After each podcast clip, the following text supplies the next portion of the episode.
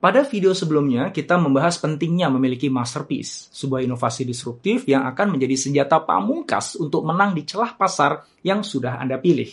Nah, perlu Anda sadari bahwa agar inovasi Anda itu bisa diterima secara luas oleh pasar, maka inovasi tersebut perlu melewati beberapa tahapan yang tidak mudah. Dalam video ini, kita akan bahas tahapan-tahapannya. Berikut dengan cara Anda bisa melewati semua tahapan tadi hingga peluang Anda untuk rise above the crowd menjadi semakin besar. Yuk, kita mulai.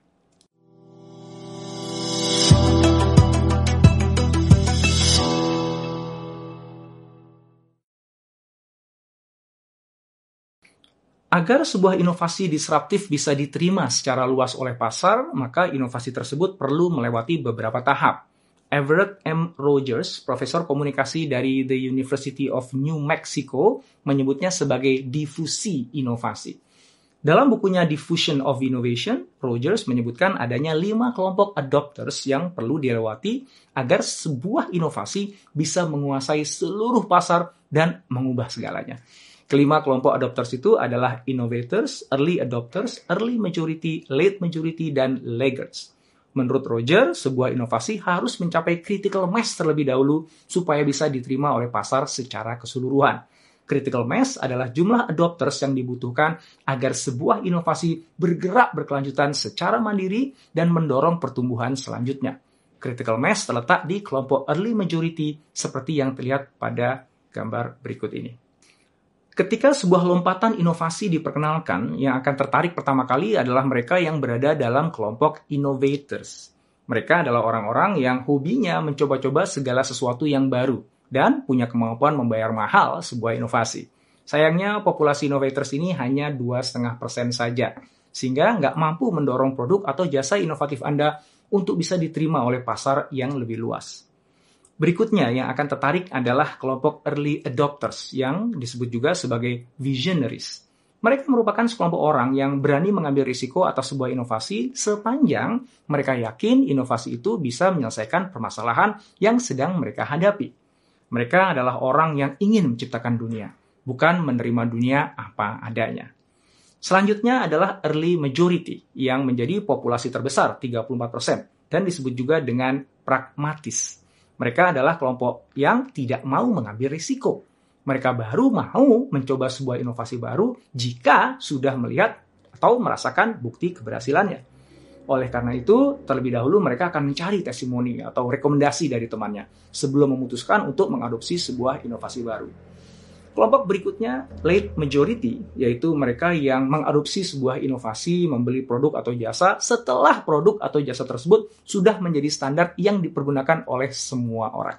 Selanjutnya, laggards. Mereka adalah orang yang gak akan pernah membeli produk atau jasa yang baru. Sayangnya, seperti yang dikatakan Geoffrey Moore, seorang organizational theorist, pergerakan sebuah ide produk atau jasa tidak mulus dari satu tahap ke tahap lainnya.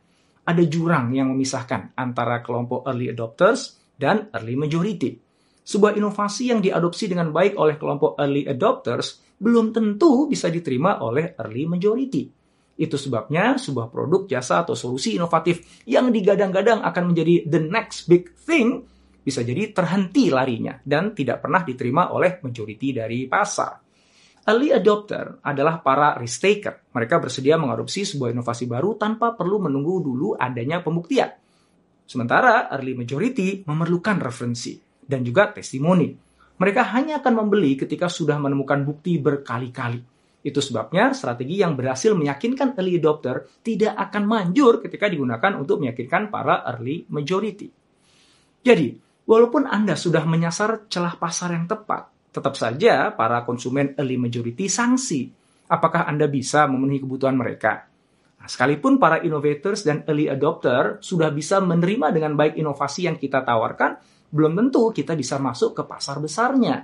Bisa jadi pertumbuhan penjualan produk inovasi kita tuh sebenarnya menarik, tapi kemudian mentok geraknya. Berhenti di segelintir early adopter saja. Dalam situasi seperti itu, maka apa yang bisa kita lakukan? Moore berargumen setiap orang atau perusahaan harus mulai langkahnya dengan mendominasi sebuah ceruk di kelompok early adopter untuk kemudian berekspansi dari posisi yang kuat tersebut. Gagasan ini berlawanan dengan pandangan kebanyakan pengusaha yang selalu memulai langkah dengan menyasar pasar terbesar. Padahal pada kenyataannya, perusahaan-perusahaan besar pun tidak mulai langkahnya dengan membidik kelompok konsumen yang besar. Mereka justru memilih ceruk pasar spesifik untuk memperkenalkan inovasinya. Facebook misalnya, memulainya dari mahasiswa di universitas-universitas ternama di Amerika Serikat. Dan eBay awalnya hanya fokus pada barang koleksi LinkedIn awalnya memilih para eksekutif di Silicon Valley sebagai target konsumennya. Amazon memulai bisnisnya dari menjual buku. Sementara iklan Google pada awalnya menyasar perusahaan startup yang tidak mampu membeli iklan banner yang relatif mahal. Ketika mereka sudah memiliki posisi yang kuat di ceruk pasar tersebut, barulah mereka menambahkan fitur dan fungsi yang diarahkan pada pasar yang lebih luas.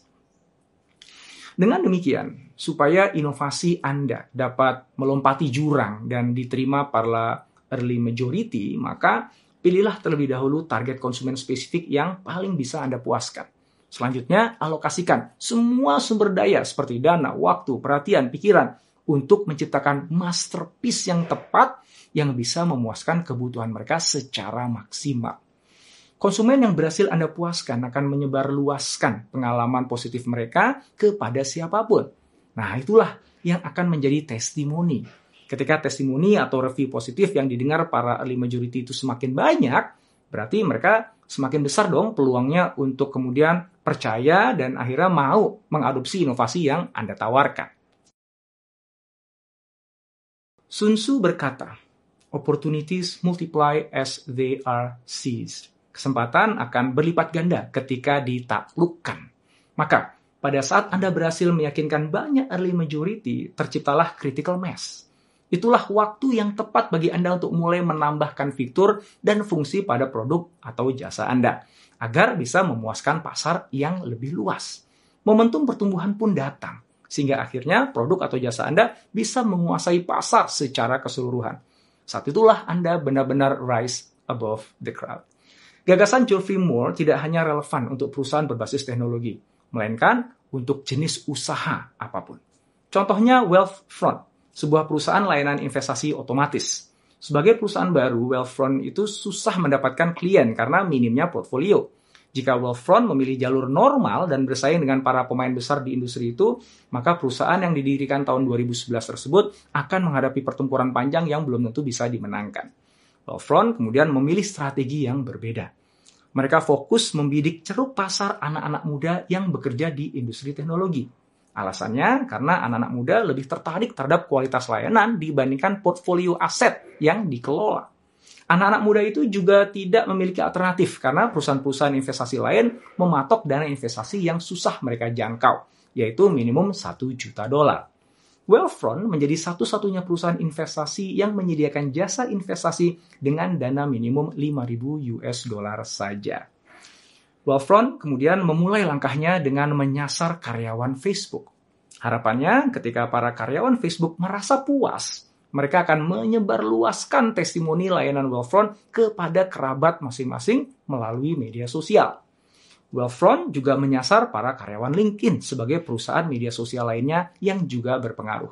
Alasannya sama, untuk mendapatkan dukungan para influencer di dunia maya. Hasilnya, solusi inovatif dan layanan terbaik yang diberikan Wealthfront tersebar luas di antara para millennials yang bekerja di sektor teknologi.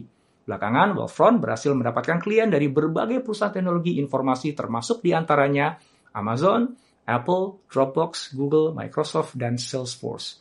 Hanya dalam waktu dua setengah tahun sejak didirikan, Wealthfront berhasil mengelola aset lebih dari 1 miliar US dollar. Sebuah pencapaian yang spektakuler. Bandingkan dengan Charles Schwab.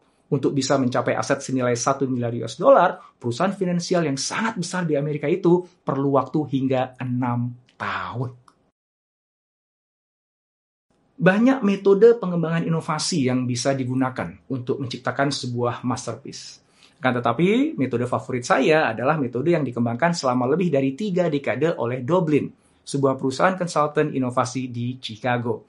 Metode ini ditulis dalam buku berjudul Ten Types of Innovation, The Discipline of Building Breakthrough.